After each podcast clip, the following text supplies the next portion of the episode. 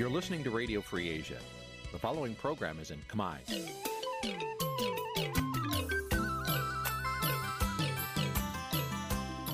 នេះជាកម្មវិធីផ្សាយ Vuthu Azizi Serai នេះជាកម្មវិធីផ្សាយរបស់ Vuthu Azizi Serai ជាភាសាខ្មែរ Vuthu Azizi Serai សូមស្វាគមន៍លោកអ្នកនាងទាំងអស់ពីរដ្ឋធានី Washington នៃសហរដ្ឋអាមេរិក បាទប្រធានាទីវ៉ាស៊ីនតោនខ្ញុំបាទទីនសាករិយាសូមជម្រាបសួរលោកនាងកញ្ញាទាំងអស់ជាទីមេត្រីយើងខ្ញុំសូមជូនកម្មវិធីផ្សាយសម្រាប់ព្រឹកថ្ងៃអង្គារ15រោចខែអាសត់ឆ្នាំខាលចត្វាស័កពុទ្ធសករាជ2566ត្រូវនៅថ្ងៃទី25ខែតុលាគ្រិស្តសករាជ2022បាទជាដំបូងនេះសូមអញ្ជើញលោកនាងកញ្ញាស្ដាប់ព័ត៌មានប្រចាំថ្ងៃដែលមានមេត្តាដូចតទៅ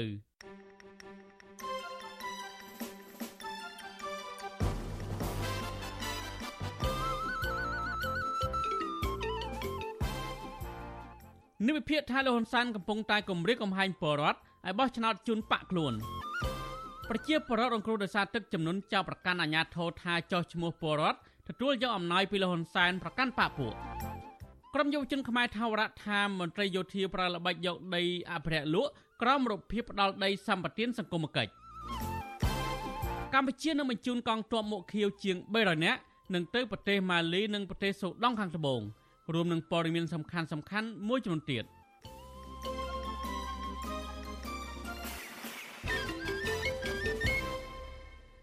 បាទលោកនាយកទីមិត្តរីជាបន្តទៅនេះខ្ញុំបាទធីនសាការីយ៉ាសូមជូនព័ត៌មានពិស្ដាប្រជាពលរដ្ឋរងគ្រោះទឹកចំនួនមួយចំនួននៅខេត្តបាត់ដំបងចោទអាជ្ញាធរថាចោះឈ្មោះពលរដ្ឋទទួលយកអំណោយពីនាយករដ្ឋមន្ត្រីហ៊ុនសែនប្រកាន់បកពួកប្រតិកម្មរបស់ពលរដ្ឋនេះធ្វើឡើងបន្ទាប់ពីពលរដ្ឋរងគ្រោះដោយសារទឹកចំនួនដូចគ្នាប៉ុន្តែគ្មានឈ្មោះទទួលយកអំណោយពីលោកហ៊ុនសែនឡើយ។ មន្ត្រីសង្គមស៊ីវិលយល់ឃើញថាអាញាធរខេត្តគួរតែពិនិត្យឡើងវិញទៅលើបញ្ហានេះប្រកបដោយតម្លាភាព និងមិនប្រកាន់និន្នាការនយោបាយឬអើងនោះឡើយបាទប្រធានាធិបតីវ៉ាស៊ីនតោននៃស្រីសុជីវីរាយការណ៍ព័ត៌មាននេះពលរដ្ឋរងគ្រោះទឹកជំនន់នៅខេត្តបាត់ដំបងសោកស្ដាយចំពោះអាញាធរនៅពេលដែលពលរដ្ឋក្រីក្ររងគ្រោះពិតប្រាកដបែរជាគ្មានឈ្មោះទៅទទួលអំណោយពីលោកយមត្រីហ៊ុនសែនពួកគាត់លើកឡើងថាអាញាធរធ្វើបែបនេះ ធ្វើឲ្យពួកគេឈឺចាប់បន្ថែមទៀតដែលទឹកជំនន់បានបំផ្លាញកសិផលហើយបែរជាមកឈឺចាប់នឹងការចែកអំណោយដោយគ្មានដំណាភាពពលរដ្ឋរងគ្រោះដោយទឹកជំនន់នៅស្រុកបវលខេត្តបាត់ដំបងលោកវ៉ាន់ឆៃប្រាប់វិទ្យុអាស៊ីសេរីកាលពីថ្ងៃទី24ខែតុលាថាផ្ទះរបស់លោកលិចទឹកជាយូរមកហើយប៉ុន្តែនៅពេលដែលមេភូមិដើរកត់ឈ្មោះគឺគ្រាន់តែសួរនាំលោកបន្តិចបន្តួចដោយមិនបានបញ្ជូនឈ្មោះរបស់លោក ឲ្យទៅទទួលអំណោយពីលោកហ៊ុនសែនឡើយលោកបន្តថាលោកមិនពេញចិត្តនឹងទង្វើរបស់អាជ្ញាធរនេះទេព្រោះលោកជាពលរដ្ឋនៅក្នុងភូមិដែលរងគ្រោះទឹកជំនន់ដូចគ្នាបែរជាត្រូវអាជ្ញាធររើសអើងខ្ញុំអត់បានហ្នឹងបងគេអត់ហៅផងហើយបើផ្ទះទឹកលិចលិចយូរហើយតែ ដឹងមិនចឹងគេអត់អោយផងកាលសិលមិញខ្ញុំឃើញគេដើរហៅដែរតែខ្ញុំនៅហ្នឹងគេអត់ហៅផងគេគ្រាន់តែសួរគេអត់ហៅអត់អីផងអត់ប្រាប់ផងប៉ុន្តែបើទឹកលិចផ្ទះខ្ញុំលិចយូរជាងគេហើយផ្ទះផ្ទះជាប់ទឹកហ្មងបងខ្ញុំរៀងអន់ចិត្តដែរនៅមួយគេដែរអត់បានខ្ញុំគ្រាន់តែអត់យល់ចេះដែរបងហេតុអីគេផ្ទះគេប៉ុណ្ណាណីគេមានគោមានឡានមានអីចឹងបានចំណែកខ្ញុំផ្ទះទូចតែមួយលិចទឹកលិចអីហើយអត់បានគេសោះប្រហែល2 3ផ្ទះផ្ទះខ្លះមានអ្នកកត់ដៃកត់អីចឹងតែអត់បានសោះបងហើយនៅចិត្តចិត្តគ្នានោះឯងស្រដៀងគ្នានេះដែរពលរដ្ឋម្នាក់ទៀតនៅស្រុកកោះក្រឡថ្លែងសុំមិនបញ្ចេញឈ្មោះថាស្រែរបស់លោកលិចចំនួន4ហិកតាក្នុងនោះខូចខាតអស់2ហិកតា ហើយទឹកបន្តលិចមិនទាន់ស្រកនៅឡើយទេលោកបន្តថាអាជ្ញាធរភូមិមិនបានកត់ឈ្មោះរបស់លោក ទៅទទួលអំណោយឧបត្ថម្ភពីរដ្ឋាភិបាលនោះទេ លោកថាមានពលរដ្ឋខ្លះមិនបានធ្វើស្រែទេ តែទទួលបានអំណោយចំណែកជនរងគ្រោះដោយទឹកចំនួនពិតប្រាកដ បែរជាមិនបានទទួលអំណោយទៅវិញអ្នកខ្លះអត់លិចផងបានដែរបាទអ្នកខ្លះអត់ធ្វើស្រែផងអត់លិចផងបានអ្នកខ្លះធ្វើស្រែដែរគាត់ថាគេមិនតាន់ព្រោះចឹងអត់តាន់លិចចឹងបានដែរតែខ្ញុំព្រោះហើយហ្នឹងលិចអស់ហើយចឹងអចូលមួយខែដែរបានវាលួយអស់ហើយអ្នកបានវាសបោតែអ្នកនិតស្នានឹងមេភូមិឬក៏កូនចៅគាត់ហ្នឹងមានមិនរៀងអន់ចិត្តដែរហ្នឹងឯងព្រោះអីអ្នកលិចគេបានអ្នកខ្លះគេអត់លិចខ្ញុំមិនអត់អន់ចិត្តនឹងអ្នកលិចបានដូចគ្នាទេអន់ចិត្តតែអ្នកអត់លិចហ្នឹងបានដែរនេះ តកតងបញ្ហានេះវិទ្យុអាស៊ីសេរីមិនអាចតកតងអភិបាលខេត្តបាត់ដំបងលោកសុកលូនិងប្រធានមន្ទីរកសិកម្មខេត្តបាត់ដំបងលោកឈឹមវិជ្ជរាដើម្បីសូមអត្ថាធិប្បាយជុំវិញបញ្ហានេះបានទេ កាលពីថ្ងៃទី24ខែតុលាដោយទូរស័ព្ទហៅចូល តែមិនមានអ្នកទទួលប៉ុន្តែលោកសុកលូបានប្រាប់សារព័ត៌មានក្នុងស្រុកថាពលរដ្ឋរងគ្រោះនៅក្នុងខេត្តបាត់ដំបង មានជិត30000គ្រួសារនិងពលរដ្ឋដែលមានប្រភពទឹកអាចស្ដារឡើងវិញ មានជាង10000គ្រួសារត្រូវទទួលបានអំណោយពូជស្រូវពីលោករដ្ឋមន្ត្រីហ៊ុនសែនលោកសុកលូថាកន្លងមករដ្ឋបាលខេត្តធ្លាប់ជួយដល់ពលរដ្ឋរងគ្រោះទឹកចំនួនជិត7000គ្រួសារលោកសុកលូបញ្ជាក់ថាឆ្នាំ2022ទឹកចំនួនធំជាងឆ្នាំ2020ហើយលោកថាមានមនុស្សចំនួន7នាក់បានស្លាប់ដោយសារទឹកចំនួនជុំវិញរឿងនេះមន្ត្រីសម្របសម្រួលសមាគមការពារសិទ្ធិមនុស្សអាត6ខេត្តបាត់ដំបងលោកយិនមេងលីលើកឡើងថា អំណោយរដ្ឋាភិបាលយកទៅជួយប្រជាពលរដ្ឋរងគ្រោះទឹកជំនន់គឺជាអំណោយរបស់រដ្ឋាភិបាលដែលចែកដល់ពលរដ្ឋរងគ្រោះទឹកជំនន់មិនមែនជាអំណោយរបស់គណៈបកកាន់អំណាចនោះឡើយលោកបន្តថាប្រសិនបើការបែងចែកអំណោយរបស់រដ្ឋាភិបាលរើសអើងពលរដ្ឋនោះគឺជារឿងមិនត្រឹមត្រូវឡើយ។ ខ្ញុំគិតថាអភិបាលខេត្តត្រូវធ្វើការពិនិត្យមើលឡើងវិញទៅលើបញ្ហាទាំងអស់នេះថាតើមានពិតប្រកបដោយអ្វីដែលប្រជាពលរដ្ឋអះអាងដែរអត់ហើយបើសិនជារកឃើញត្រូវមានវិធានការចំពោះបញ្ហានេះវិញកុំឲ្យគេនិយាយថាកតេធំបន្លំដេកបាទកុំឲ្យគេថាឲ្យគេឯងកុំឲ្យគេថាឲ្យតែឲ្យជនដែលអត់ឃ្លានជនដែលស្ដីឃ្លានអត់ឲ្យពីព្រោះកន្លងមកវាធ្លាប់ឮពាក្យគេថាឲ្យតែអ្នកអត់ឃ្លានអ្នកដែលស្រែកឃ្លានអត់បានទៅវិញលោកហ៊ុនសែនបើកយុទ្ធនាការចុះចែកអំណោយដល់ពលរដ្ឋរងគ្រោះទឹកជំនន់នៅខេត្តជុំវិញបឹងទន្លេសាបដោយចាប់ផ្ដើមពីខេត្តបន្ទាយមានជ័យខេត្តបាត់ដំបងនិងបន្ទាប់មកខេត្តពោធិ៍សាត់និងមានខេត្តមួយចំនួនទៀតពលរដ្ឋនិងសង្គមស៊ីវិលអំពាវនាវដល់រដ្ឋាភិបាលនិងស្ថាប័នពាក់ព័ន្ធគួរពិនិត្យឡើងវិញដោយចែកអំណោយឧបត្ថម្ភរបស់រដ្ឋាភិបាលឲ្យបានស្មើភាពទៅជនរងគ្រោះទឹកចំនួនគ្រប់និន្នាការគណៈបកនយោបាយ។ នាងខ្ញុំសុជីវីវិទ្យុអាស៊ីសេរីពីរដ្ឋធានី Washington បាទលោកនាយកទីមេត្រីទៅទៅនឹងស្ថានភាពនយោបាយវិញមន្ត្រីគណៈបកភ្លើងទៀននិងមន្ត្រីសង្គមស៊ីវិលលើកឡើងថាក្រៅពីបញ្ចប់សង្គ្រាមគណៈបកកណ្ដាលអំណាចនៅមិនទាន់ផ្ដល់សន្តិភាពពេញលេញជូនប្រជារដ្ឋខ្មែរបានឡើយទេពួកគេថាប្រទេសប្រកាន់លទ្ធិប្រជាធិបតេយ្យដូចជាកម្ពុជាបើទោះបីជាគណៈបកនយោបាយណាក៏អាចដឹកនាំប្រទេសផ្ដល់សន្តិភាពជូនប្រជារដ្ឋបានដែរ ការបញ្ចេញប្រតិកម្មនេះបន្ទាប់ពីលោកនាយរដ្ឋមន្ត្រីហ៊ុនសែនអះអាងថាបើសិនជាគណៈបកប្រជាជនកម្ពុជាមិនបានគ្រប់គ្រងអំណាចនាពេលខាងមុខទេនោះប្រទេសជាតិនឹងពុំអាចរក្សាសន្តិភាព ដើម្បីការពារអាយុជីវិតបរដ្ឋពីសង្គ្រាមបាននោះទេ បាទប្រធានាធិបតីវ៉ាស៊ីនតោនលោកមានរិទ្ធរាយការណ៍ព័ត៌មាននេះមន្ត្រីគណៈបញ្ញយោបាយភ្លើងទៀននិងមន្ត្រីសង្គមស៊ីវិលលើកឡើងដោយដូចគ្នាថាក្រោមការដឹកនាំរបស់លោកហ៊ុនសែន គឺត្រឹមតែគ្មានសង្គ្រាមក៏ប៉ុន្មានក៏ប៉ុន្តែលោកពុំទាន់អាចរកសន្តិភាពពេញលេញជូនប្រជាពលរដ្ឋខ្មែរឲ្យរួចផុតពីភាពភ័យខ្លាច និងជីវភាពរស់នៅល្អប្រសើរដោយទៅនឹងបណ្ដាប្រទេសជិតខាង និងនៅលើពិភពលោកបាននៅឡើយទេពួកគេចង់ឃើញកម្ពុជា មានការគោរពសិទ្ធិមនុស្សមានលទ្ធិប្រជាធិបតេយ្យពេញលេញពិតប្រាកដនិងសង្គមមានយុត្តិធម៌ជាដើម អនុប្រធានគណៈបកភ្លើងទៀនលោកថាសេថាសង្កេតឃើញថាមេដឹកនាំគណៈបកប្រជាជនកម្ពុជា តែងតែយកពាក្យអគុណសន្តិភាពឬក៏ថាបានចូលរួមបញ្ចប់សង្គ្រាមកាលពីពេលកន្លងមកយកទៅឃោសនារោគសម្លេងឆ្នោតពីប្រជាពលរដ្ឋលោកបញ្ជាក់ថាប្រជាពលរដ្ឋខ្មែរទូទៅមិនត្រូវការសង្គ្រាមនោះទេក៏ប៉ុន្តែពួកគេត្រូវការសន្តិភាពពិតប្រាកដគឺសន្តិភាពទាំងផ្លូវកាយនិងសន្តិភាពទាំងផ្លូវចិត្តលោកបន្តថាទោះបីបច្ចុប្បន្ន កម្ពុជាមិនផ្ទុះសង្គ្រាមក៏ដោយ តែប្រជាពលរដ្ឋនៅតែភ័យខ្លាចរស់នៅក្នុងភាពមិនស្ងប់ចិត្តដោយសារតែបញ្ហារំលោភសិទ្ធិសេរីភាព ការគំរាមកំហែងអំពើអយុត្តិធម៌ភាពក្រីក្រ និងបញ្ហាអសន្តិសុខសង្គមជាច្រើនទៀតលោកថាសិដ្ឋាគូបញ្ជាក់ថាក្នុងសង្គមប្រជាធិបតេយ្យសេរីភូប៉ា ការផ្លាស់ប្តូរមេដឹកនាំតាមរយៈការបោះឆ្នោតដោយសេរីត្រឹមត្រូវនឹងយុត្តិធម៌គឺគណៈបកណាក៏អាចស្វែងរកសន្តិភាពពេញលេញជូនប្រជាពលរដ្ឋបានដែរ គេដែលគេសន្តិភាពពិតប្រកបហ្នឹងគេដែលលើកឡើងទេគេមិនដែលទៅលើកឡើងអគុណសន្តិភាពមួយម៉ាត់ណាសន្តិភាពទេគេការពារបានទៅដើម្បីអភិវឌ្ឍប្រទេសជាតិគេមាននរណាមកជ្រៀតជ្រែកប្រជាពលរដ្ឋសម័យនេះហើយមាននរណាចង់ធ្វើសង្គ្រាមដាក់នយោបាយគ្រាន់តែដើម្បីអនុវត្តគោលនយោបាយគណៈបករបស់ខ្លួនតើរឿងអីដែលយើងផ្សារភ្ជាប់ទាំងអស់នោះតលតែមានតែគណៈបកប្រជាជនបានអាចដឹកនាំប្រទេសបានអានឹងចឹងមានតែថាកម្មសិទ្ធិទាំងអស់នោះរបស់គណៈបកយើងអាចចាត់ទុកបែបនេះបានទេ ការលើកឡើងរបស់មន្ត្រីគណៈបកភ្លើងទៀនបែបនេះគឺបន្ទាប់ពីលោកហ៊ុនសាននៅថ្ងៃទី24ខែតុលា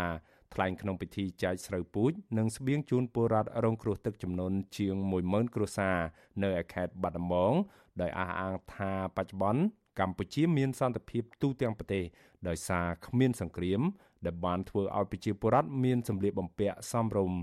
មានសាលារៀនមន្ទីរពេទ្យនិងមានវ៉ាក់សាំង COVID-19 សម្រាប់ចាក់ដោយនៅតាមបណ្ដាប្រទេសដទៃទៀតដែរ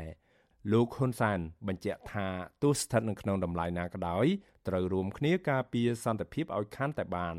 ក្រៅពីលើកឡើងនៅរឿងរ៉ាវសង្គ្រាមកាលពីអតីតកាលនិងរំលឹកពីស្នាដៃដឹកនាំរបស់លោក នៅមុខពលរដ្ឋទទួលអំណោយនោះ លោកហ៊ុនសែនក៏បានឆ្លៀតឱកាសអំពាវនាវឲ្យពលរដ្ឋបោះឆ្នោតឲ្យគណៈបកប្រជាជនកម្ពុជាសម្រាប់ការបោះឆ្នោតនាពេលខាងមុខនេះដែលលោកបញ្ជាក់ថាទាល់តែគណៈបកប្រជាជនកម្ពុជាគ្រប់គ្រងអំណាចទើបអាចរក្សាសន្តិភាព សម្រាប់ការពារអាយុជីវិតរបស់ប្រជាពលរដ្ឋពីសង្គ្រាមបាន។ យើងឆ្លងកាត់សង្គ្រាមទាំងអស់គ្នាប៉ុន្តែឥឡូវមានសន្តិភាពហើយត្រូវខិតខំរួមគ្នាការពារសន្តិភាពនេះឲ្យខាងតែបានទោះបីដោយតម្លៃណាក៏ដោយដើម្បីធានាថាមានសន្តិភាពរក្សាសន្តិភាពបានជំរើសតែមួយគត់គឺបោះឆ្នោតឲ្យគណៈបកប្រជាជនអានឹងសក់ទាំងអស់គ្នាគណៈបកប្រជាជនគ្រប់គ្រងអំណាចគឺគណៈបកប្រជាជនរកសន្តិភាពឲ្យប្រទេសបានគណៈបកប្រជាជនកាន់អំណាចគណៈបកប្រជាជនមានលទ្ធភាពរក្សាសន្តិភាពបានសម្រាប់ការពារជីវិតបងប្អូន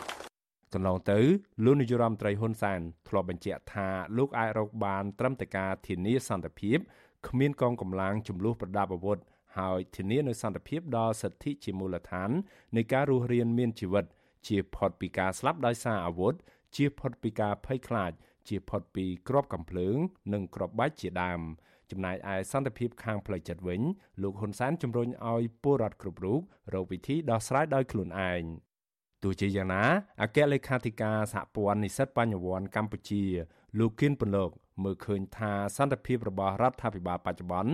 មានតែសម្បកក្រៅនោះទេ ដោយសារតែការរដ្ឋបិទការអនុវត្តសិទ្ធិសេរីភាព ហើយប្រជាធិបតេយ្យកំពុងដើរថយក្រោយ ដែលសហគមន៍អន្តរជាតិរិះគន់និងដាក់ទណ្ឌកម្មគួរឲ្យព្រួយបារម្ភ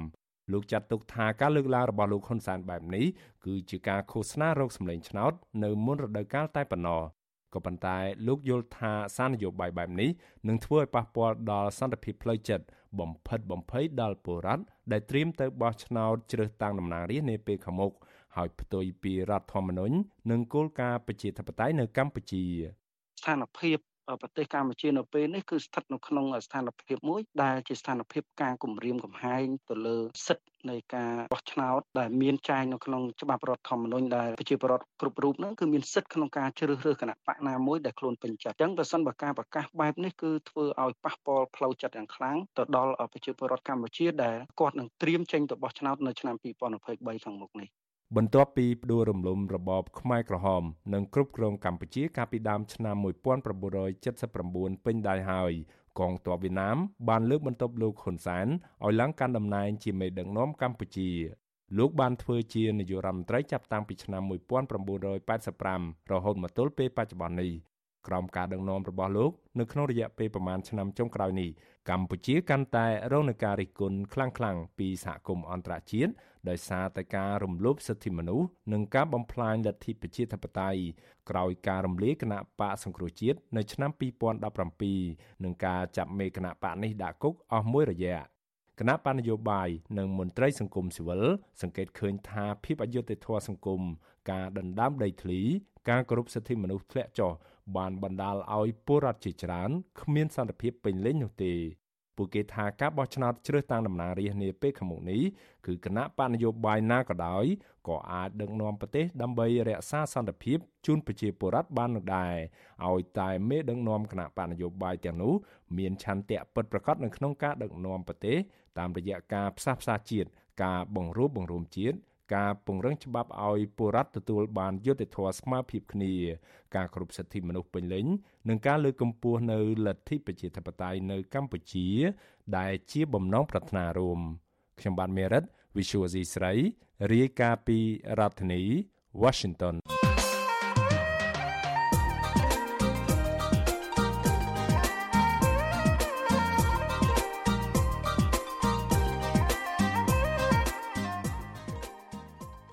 លោកនាយកទីមេត្រីមេដឹកនាំនយោបាយកម្ពុជាពីររូបគឺលោកសំរងស៊ីនិងលោកហ៊ុនសែនបានចោទប្រកាន់គ្នាទៅវិញទៅមកអំពីរឿងក្បត់ជាតិ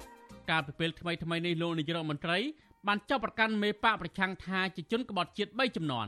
រីឯលោកសំរងស៊ីវិញបានបញ្ចេញប្រតិកម្មចោទលោកហ៊ុនសែនវិញថាជាមេដឹកនាំក្បត់ជាតិតពូជលោកសំរងស៊ីបញ្ជាក់ថាកម្ពុជាក្រោមការដឹកនាំរបស់លោកហ៊ុនសែនជិត40ឆ្នាំមកនេះបានធ្វើឲ្យកម្ពុជាបាត់បង់អធិបតេយ្យភាពនិងបាត់បង់ទឹកដីទៅប្រទេសជិតខាងជាដើម តើលោកហ៊ុនសែនពិតជាមេដឹកនាំធ្វើឲ្យបាត់បង់ទឹកដី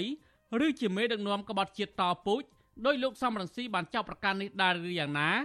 បាទសូមលោកនាងរងចាំទស្សនានីតិវេទិកាអ្នកស្ដាប់អាស៊ីសេរីដែលនឹងជជែកអំពីបញ្ហានេះនៅយប់ថ្ងៃអង្គារទី25ដុល្លារកុំបីខានប្រសិនបើលោកនាងមានសំណួរចង់សួរមកកាន់វាគ្មិនរបស់យើងឬចង់បញ្ចេញជាមតិយោបល់សូមលោកនាងដាក់លេខទូរស័ព្ទនៅក្នុងខ្ទង់ comment Facebook និង YouTube របស់ Vithu Azisery ក្រុមការងាររបស់យើងនឹងហៅទៅលោកនាងវិញ បាទកម្មវិធីនេះសម្រាប់សម្រួលដោយលោកជុនច័ន្ទបតបាទសូមអរគុណ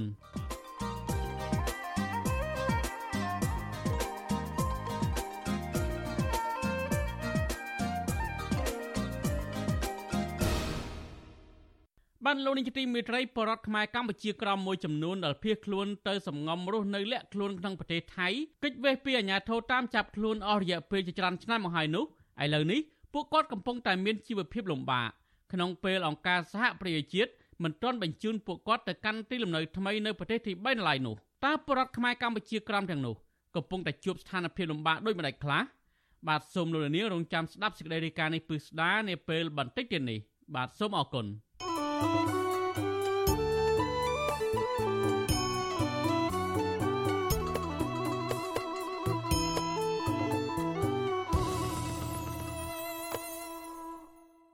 បានលោកនាយកទីមេត្រីនៅខេត្តកណ្ដាលឯនេះវិញឪពុកបង្កើតយុវជនតវ៉ាបញ្ហាជនជាតិវៀតណាមនៅកម្ពុជា បានចូលខ្លួនទៅបំភ្លឺនិងបដិសេធការចាប់ប្រកាន់របស់តុលាការខេត្តកណ្ដាលដែលថាកូនប្រុសរបស់លោកលួចលក់ទ្រព្យសម្បត្តិអ្នកដទៃនោះលោកនៅតែរក្សាគោលជំហរនិងអះអាងថាកូនប្រុសរបស់លោកជាមនុស្សស្អាតស្អំមិនដូចការចោទប្រកាន់របស់តុលាការនោះឡើយមន្ត្រីសង្គមស៊ីវិលមើលឃើញថាតុលាការចោទប្រកាន់លោក Tel Thilen លើបទល្មើសព្រហ្មទណ្ឌ ក្រនរាជការគម្រិតកំហែងដល់សិទ្ធិសេរីភាពបញ្ចេញមតិតែប៉ុណ្ណោះបាទប្រធានាធិបតីវ៉ាស៊ីនតោនលោកលេងម៉ាលីរាយការណ៍ព័ត៌មាននេះឪពុកយុវជន Tel Thilen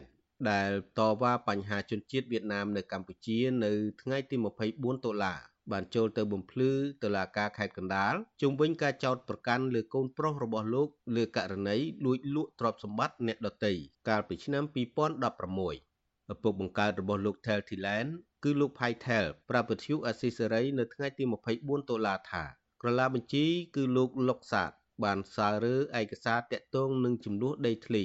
រួមមានប្លង់ដី និងលិខិតផ្ទេរកម្មសិទ្ធិពាក់ព័ន្ធជាមួយបងស្រីបង្កើតរបស់លោកដែលជាដើមមិនដឹងមកពីនិតលោកបន្តថាក្នុងនោះមានឯកសារខ្លះคล้ายៗនិងខ្លះជាឯកសារពិតប្រាកដប៉ុន្តែពុំមានកាលបរិច្ឆេទច្បាស់លាស់នោះឡើយ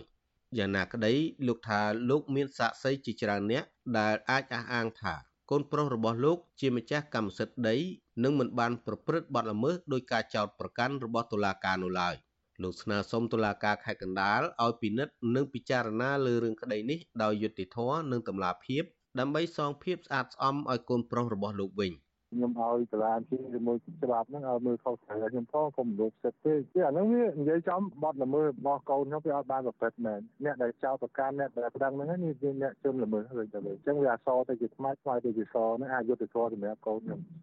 យុវជន Thel Thailand ត្រូវបានសមត្ថកិច្ចចាប់ខ្លួនកាលពីថ្ងៃទី4តុលាហើយតុលាការខេត្តកណ្ដាលបានសម្រេចឃុំខ្លួនលោកបណ្ដោះអាសន្ននៅពន្ធនាគារខេត្ត ការឃុំខ្លួននេះធ្វើឡើងតាមដីកាបង្គាប់របស់ចៅក្រមស៊ើបសួរនៃសាលាដំបងខេត្តកណ្ដាលគឺលោកប្លង់វិសាលក្រោមបទចោទថាលួចលក់អចលនទ្រព្យរបស់អ្នកដទៃដែលបានប្រព្រឹត្តតាំងពី6ឆ្នាំមុន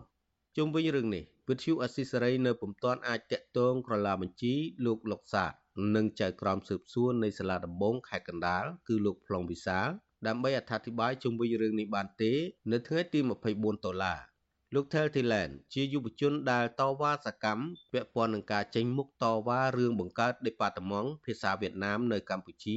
និងការគ្រប់គ្រងជនអន្តោប្រវេសន៍នៅកម្ពុជា ការចាប់ខ្លួនលោកធ្វើឡើងក្រោយពេលដែលលោកបានប្រកាសគៀកោប្រជាពលរដ្ឋគ្រងជួបជុំសម្ដែងមតិដោយសេរីទាក់ទងនឹងបញ្ហាសង្គមជាតិនៅទីលានប្រជាធិបតេយ្យនៅថ្ងៃទី7ដុល្លារទាក់ទិនរឿងនេះប្រធានសមាគមការពារសិទ្ធិមនុស្សអាត6 លោកនីសុខាមើលឃើញថាការចោទប្រកាន់លោក Tel Thiland លើបទល្មើសព្រហ្មទណ្ឌគ្រាន់តែជាការគម្រាមកំហែងដល់សិទ្ធិសេរីភាពនៃការបញ្ចេញមតិតែប៉ុណ្ណោះលោកក៏សម្គាល់ឃើញថារាល់ការចោទប្រកាន់បទផ្សេងៗទៅលើអ្នកងើបតវ៉ាតស៊ូមតិប្រឆាំងរដ្ឋាភិបាលច្រើនតែជារឿងឯកជនផ្ទាល់ខ្លួនរបស់ពួកគេខណៈរឿងក្តីខ្លះមានរយៈពេលយូរណាស់ទៅហើយ លោកបន្តថាប្រសិនបើរដ្ឋាភិបាលកម្ពុជានៅតែបន្តប្រើប្រព័ន្ធយុតិធធគម្រាមកំហែងបិទសិទ្ធិសេរីភាពនៃការបញ្ចេញមតិរបស់ប្រជាពលរដ្ឋនោះនឹងបណ្ដាលឲ្យមានការរិះគន់កាន់តែខ្លាំងនិងបង្ហាញពីភាពមិនគោរពទៅតាមគោលការណ៍សិទ្ធិមនុស្សដែលរដ្ឋាភិបាលខ្លួនឯងបានធានា បើយើងមើលនៅពីក្រោយនៃរឿងហ្នឹងគឺយើងអាចកត់សម្គាល់បានថាវាអាចជាការគម្រាមកំហែងទៅដល់ការបិទសេរីភាពក្នុងការបញ្ចេញមតិទាក់ទងទៅនឹងរឿងដែលគាត់រិះគន់ចំពោះការដាក់អបតិមងនៃភាសាវៀតណាមហ្នឹងមកទល់ពេលនេះយុវជន Thailand បានជាប់ឃុំបណ្ដោះអាសន្ននៅពន្ធនាគារខេត្តកណ្ដាលអស់រយៈពេល20ថ្ងៃមកហើយឪពុករបស់លោកឲ្យដឹងថា លោកមានសភាពស្គមស្គាំងជាងមុនដោយសារបញ្ហាចំណីអាហារនិងស្ថានភាពនៃការរស់នៅ មន្ត្រីសង្គមស៊ីវិលអ្នកខ្លំមើលការរំលោភសិទ្ធិមនុស្សនិងសាច់ញាតិលោក Thailand ចាត់ទុកការចាប់ខ្លួនយុវជនរូបនេះដាក់ពន្ធនាគារថាជាការគំរាមកំហែងនិងបំផិតបំភ័យយុវជនដទៃទៀតមិនឲ្យចូលរួមកិច្ចការងារសង្គមនិងប៉ះពាល់ដល់សិទ្ធិសេរីភាពបញ្ចេញមតិធ្ងន់ធ្ងរខ្ញុំបាទលេងម៉ាលីវិទ្យុអស៊ីសេរីរាយការណ៍ពីរដ្ឋធានី Washington បាទលោកទីមេត្រីតកតងនឹងកងទ័ពមុខខៀវវិញកម្ពុជាក្រុងនឹងបន្តបញ្ជូនកងទ័ពមុខខៀវជាង300នាក់ចេញទៅបំពេញបេសកកម្មមនុស្សធម៌ក្រមឆ័ត្ររបស់អង្គការសហប្រជាជាតិនៅសាធារណរដ្ឋម៉ាលី និងសាធារណរដ្ឋស៊ូដង់ខាងត្បូងអគ្គនាយកមជ្ឈមណ្ឌលជាតិរក្សាសន្តិភាពលោកសែមសវណ្ណីបញ្ជាក់ថាកម្ពុជានឹងបញ្ជូនកងកម្លាំងវិស្វកម្មពលយន្តហោះលេខ229 និងកងកម្ទេចគ្រាប់មីនមិនទាន់ផ្ទុះលេខ828ចេញបំពេញបេសកកម្មរក្សាសន្តិភាពអង្គការសហប្រជាជាតិនៅសាធារណរដ្ឋម៉ាលីលោកបន្តថាជាមួយគ្នានេះកងអនុសេនាធំរាជអាវុធហត្ថលេខ171នឹងមានបេសកកម្មទៅកាន់សាធារណរដ្ឋស៊ូដង់ខាងត្បូងដែរតែទោះជាយ៉ាងណាបេសកកម្មរបស់ក្រុមកងកម្លាំងមួកខៀវបដូរវេនចំនួនជាង300នាក់នេះនៅមិនទាន់កំណត់កាលបរិច្ឆេទទេថានឹងចេញដំណើរនៅពេលណានៅឡើយទេឆ្នាំនេះ គឺជាខួបលើកទី16គិតចាប់ពីឆ្នាំ2006មកដែលកម្ពុជាបានបញ្ជូនកងកម្លាំងមួកខៀវចូលរួមបេសកកម្មរក្សាសន្តិភាពរបស់អង្គការសហប្រជាជាតិមកទល់ពេលនេះកងកម្លាំងកម្ពុជាមានចំនួនសរុបជាង8300នាក់ក្នុងនោះមាននារីចំនួនជិត600នាក់កងកម្លាំងមុខខៀវកម្ពុជាបានចេញបំពេញបេសកកម្មចំនួន11ក្នុងប្រទេសចំនួន9មានជាអាចសាធារណរដ្ឋស៊ូដង់ ស៊ូដង់ខាងត្បូងឆាតអាហ្វ្រិកកណ្ដាលលីបង់ម៉ាលីស៊ីរីសៃប្រឹសនិងយេម៉ិនជាដើមបច្ចុប្បន្នកម្លាំងកម្ពុជាកំពុងតែបំពេញបេសកកម្មនៅប្រទេសចំនួន4រួមមានសាធារណរដ្ឋស៊ូដង់ខាងត្បូងលីបង់អាហ្វ្រិកកណ្ដាលនិងម៉ាលី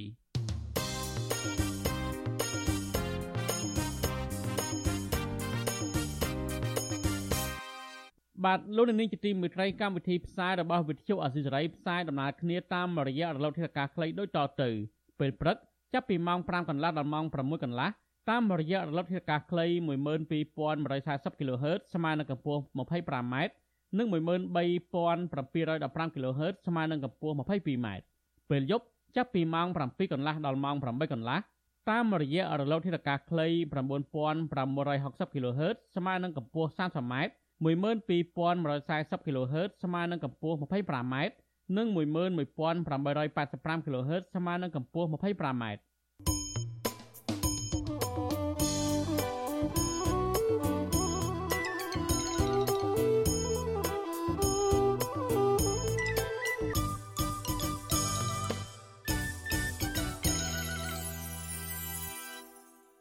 បានលោកនាយកទីមេត្រីតទៅនឹងការកាប់បំផ្លាញព្រៃឈើនៅតំបន់អភិរក្សវិញក្រុមយុវជនខ្មែរថាវរៈនិងប្រជាសហគមន៍ខេត្តកំពង់ស្ពឺរកឃើញភស្តុតាងជាថ្មីទៀតបង្ហាញថា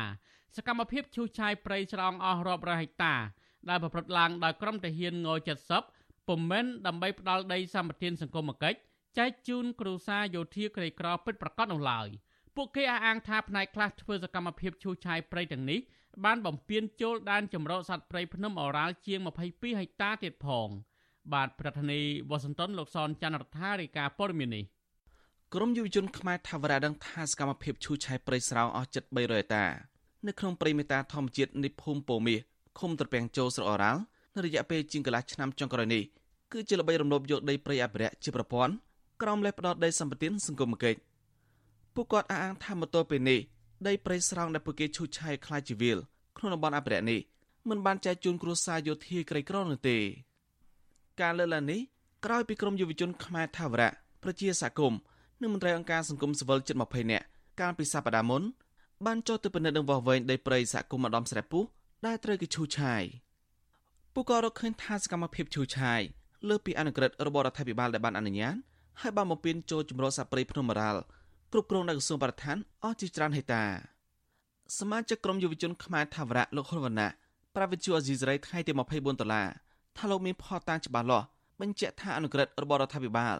បានអនុញ្ញាតឲ្យឈូសឆាយតែ260ពេតាប៉ុណ្ណោះប៉ុន្តែជាក់ស្ដែងសកម្មភាពឈូសឆាយបានរាលដាលរំលោភចូលដែនជម្រកសត្វព្រៃភ្នំមរ៉ាល់ទំហំ20ពេតា នៅ6ទីតាំងផ្សេងគ្នាលោកបានថែមថាគម្រោងផ្ដោតដីសម្បត្តិសង្គមគេនេះគឺជាល្បិចភូតភរថ្នាក់ដឹកនាំ ដើម្បីលក់ដីព្រៃធ្វើជីវកម្មតែប៉ុណ្ណោះការស្នើសុំដីដើម្បីអាស្រ័យផលរស់នៅកងទ័ពនេះយើងរកឃើញថាគ្រាន់តែជាលេសទេព្រោះយើងមានភ័ស្តុតាងច្បាស់លាស់ថាការស្នើសុំគេលើកមុនដាក់ឈ្មោះប្រជាពលរដ្ឋដែលថាជាគ្រួសារកងទ័ពអញ្ចឹងណាប៉ុន្តែជាក់ស្ដែងគឺអ្នកដែលមានឈ្មោះក្នុងបញ្ជីនឹងមិនមែនជាគ្រួសារទ័ពទេជាប្រជាពលរដ្ឋដែលគេជួលលោកហ៊ុនវណ្ណៈបន្ថែមថាដីព្រៃមួយផ្នែកដែលគេឈូសឆាយមានក្រុមហ៊ុនឯកជនខ្លះកំពុងបូមខ្សាច់ធ្វើជីវកម្ម ហើយមកទល់ពេលនេះគ្រឿងចាក់ច្រាំងគ្រឿងកំពុងកាយយកខ្សាច់លក់ជាបន្តបន្ទាប់ច្រើនសប្តាហ៍មកហើយលោកបញ្ជាក់ថាទំហំដីព្រៃ260ហិកតា ដែលលោកហ៊ុនសែនមកជាអក្រិតអនុប្រយោគមានពីរតំបន់ធំធំដែលមានសក្តានុពលធនធានធម្មជាតិរួមមានសម្បូរខ្សាច់មានតម្លៃនិងរ៉ែថ្មម៉ាបចំណែកតំណាងសហគមន៍លោកសយសាទបន្តពីមនីជាថ្មីទៀតឲ្យប្រមូលរដ្ឋាភិបាលលោកអនុក្រិតអនុប្រយោគដីព្រៃអភិរក្សនេះដើម្បីសង្គ្រោះសត្វព្រៃនិងធនធានធម្មជាតិ ដែលពលរដ្ឋខំថែរក្សាជាង20ឆ្នាំមកហើយលោកថាកន្លងទៅមន្ត្រីយោធាដែលឈរជើងនៅតំបន់នោះតែងប្រើកំភ្លើងម៉ៃគម្រាមហើយប្រើហិង្សាលើប្រជាសហគមន៍ដែលតវ៉ាទាមទារដោយប្រិយសហគមន៍លោកអះអាងថាគម្រោងផ្ដោតដីសម្បត្តិសង្គមគិនេះមិនបានជួយដល់ប្រជាពលរដ្ឋនិងគ្រួសារយោធាក្រីក្រពិតប្រាកដទេ កំពុងតែធ្វើនឹងគឺច្បាមយកដីធ្វើម៉េចលក់ដើម្បីយកលុយដាក់កប៉ៅរបស់ខ្លួនមិនគិតដល់ផលប្រយោជន៍សហគមន៍និងវត្តទីវត្តអារាមមន្ត្រីរាជការថ្នាក់មូលដ្ឋានគ្រប់គិតគ្នាដើម្បីធ្វើម៉េចឲ្យការបំផ្លិចបំផ្លាញកើតជាប្រព័ន្ធនេះគឺថាស្របច្បាប់ដែលដែលគេកំពុងតែរុករៀនទន្ទ្រានយកដីសហគមន៍ម្ដុំត្រែពោះនិងវត្តមេតាធម្មជាតិវិទ្យុអេស៊ីសេរីមិនតតែតងសុំការបំភ្លឺរឿងនេះពីមេបញ្ជាការយោធាងូចស័ព្ទបានឡើយទេ នៅថ្ងៃទី24ដុល្លារ ប៉ុន្តែពិបាកខេត្តកំពង់ស្ពឺលោកវីសំណាងប្រាវិទ្យុអេស៊ីសរ៉ៃថាញាធោពពន់បានចុះដោះស្រាយនឹងសម្របសម្រួលករណីនេះជាបន្តបន្ទាប់ដើម្បីបញ្ជាតំណោះរវាងសហគមន៍និងអ្នកពាក់ព័ន្ធផ្សេងទៀតលោកបញ្ជាក់ថាផ្នែកខ្លះនៃដំណោះស្រាយនេះអញ្ញាធោចង់ឲ្យប្រជាសហគមន៍មានទីកន្លែងអាស្រ័យផលប្រឈើប្រកបដែលមានបង្គោលកំណត់ព្រំប្រទល់ច្បាស់លាស់លោកបន្ថែមថាអាញាធោលើទៅចិត្តឲ្យប្រជាសហគមន៍បបបង្គោលកំណត់ព្រំប្រទល់ដីហើយលោកនឹងចាត់ឲ្យមន្ត្រីជំនាញសហការវវែង ដើម្បីបញ្ជាចំនួននានានៅថ្ងៃខាងមុខគណៈរដ្ឋមន្ត្រីសម្រេចឲ្យរដ្ឋាភិបាលសម្រេចឲ្យទៅហើយអញ្ចឹងយើងត្រូវខិតខំរក្សាឲ្យបងប្អូនប្រជាពលរដ្ឋដែលនៅជិតនឹងគៀកព្រៃហ្នឹងគាត់មានឱកាសនៅក្នុងការទទួលយកផលអនុផលព្រៃឈើបានន័យថាស្រ័យផលមានអស់ជួរវត្តជួងស្អីផ្ដៅប៉ុន្តែនៅតំបន់នោះដដែលទេតែយើងគាត់នឹងបញ្ជានៃការទំនាស់រវាងសហគមន៍ជាមួយនឹងអ្នកពាក់ព័ន្ធផ្សេងផ្សេងកាលពីខែសីហាឆ្នាំ2021កន្លងទៅរដ្ឋាភិបាលបានចេញអក្រិត ជ្រឿដីព្រៃសហគមន៍ម្ដំស្រែពោះមានទំហំជិត300ហិកតាពីដែនចម្រុះសត្វព្រៃភ្នំមរ៉ាល់ក្នុងភូមិពោមាសឃុំតាពាំងជោស្រុកអរ៉ាល់ខេត្តកំពង់ស្ពឺដើម្បីបែងចែកជូនគ្រួសារយោធិនងូចសឹប41គ្រួសារសម្រាប់សង់លំនៅឋាននិងបង្កបង្កើនផលប៉ុន្តែក្រមយុវជនអាថាមត្រីយោធិនងូចសឹបបានឈូសឆាយព្រៃអភិរក្សនេះលើពីការកំណត់ បច្ចុប្បន្នព្រៃសហគមន៍បណ្ដំស្រែពោនៅសល់តែជាង30ហិកតាតែប៉ុណ្ណោះជុំវិញរឿងនេះ មន្ត្រីពង្រឹងសិទ្ធិអំណាចសហគមន៍មូលដ្ឋាននៃសមាគមអាត់ហុកលោកប៉ែម៉ាណាបរំថាប្រសិនបើរដ្ឋាភិបាលមិនដោះស្រាយរឿងនេះឲ្យបានដាច់ស្រេចទេ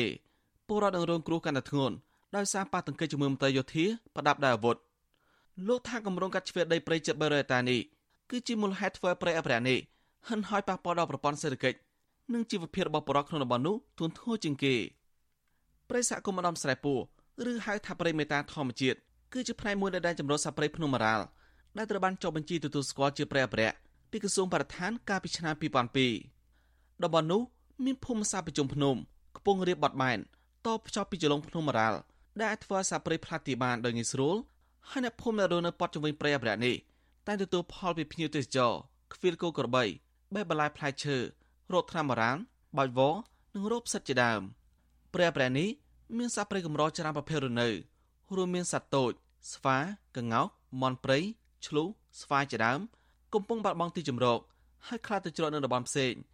ហើយមានសត្វព្រៃខ្លះទៀតត្រូវបានគេលួចបោកបាញ់ធ្វើអាជីវកម្មខ្ញុំសនចាររថាវិទ្យុអេស៊ីសរ៉ៃ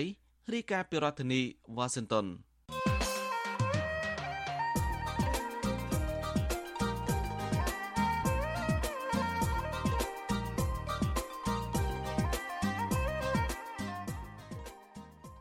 បានលោកនាយកទីមេត្រីមេដឹកនាំនយោបាយកម្ពុជាពីររូបគឺលោកសំរងស៊ីនិងលោកហ៊ុនសែនបានចោទប្រកាន់គ្នាទៅវិញទៅមកអំពីរឿងក្បត់ជាតិកាលពីពេលថ្មីថ្មីនេះលោកនាយករដ្ឋមន្ត្រីបានចោទប្រកាន់មេបកប្រឆាំងថាជាជនក្បត់ជាតិ3ចំនួនរីឯលោកសំរងស៊ីវិញបានបញ្ចេញប្រតិកម្មចោទលោកហ៊ុនសែនវិញថាជាមេដឹកនាំក្បត់ជាតិតពូជលោកសំរងស៊ីបញ្ជាក់ថាកម្ពុជាក្រោមការដឹកនាំរបស់លោកហ៊ុនសែនជិត40ឆ្នាំមកនេះបានធ្វើឲ្យកម្ពុជាបាត់បង់អធិបតេយ្យភាពនិងបាត់បង់ទឹកដីទៅប្រទេសជិតខាងជាដើម តើលោកហ៊ុនសែនពិតជាមេដឹកនាំធ្វើឲ្យបាត់បង់ទឹកដីឬជាមេដឹកនាំក្បត់ជាតិតពូជដោយលោកសំរងស៊ីបានចោទប្រកាន់នេះដែរឬយ៉ាងណាបាទសូមលោកនាងរងចាំទស្សនានីតិវេទិកាអ្នកស្ដាប់អាស៊ីសេរីដែលនឹងជជែកអំពីបញ្ហានេះនៅយប់ថ្ងៃអង្គារទី25ដុល្លារកុំបីខានប្រសិនបើលោកនាងមានសំណួរចង់សួរមកកាន់វាគ្មិនរបស់យើងឬចង់បញ្ចេញជាមតិយោបល់សូមលោកនាងដាក់លេខទូរស័ព្ទនៅក្នុងខ្ទង់ comment Facebook និង YouTube របស់ Vithu Azisery ក្រុមការងាររបស់យើងនឹងហៅទៅលោកនាងវិញ បាទកម្មវិធីនេះសម្រាប់សម្រួលដោយលោកជុនច័ន្ទបតបាទសូមអរគុណ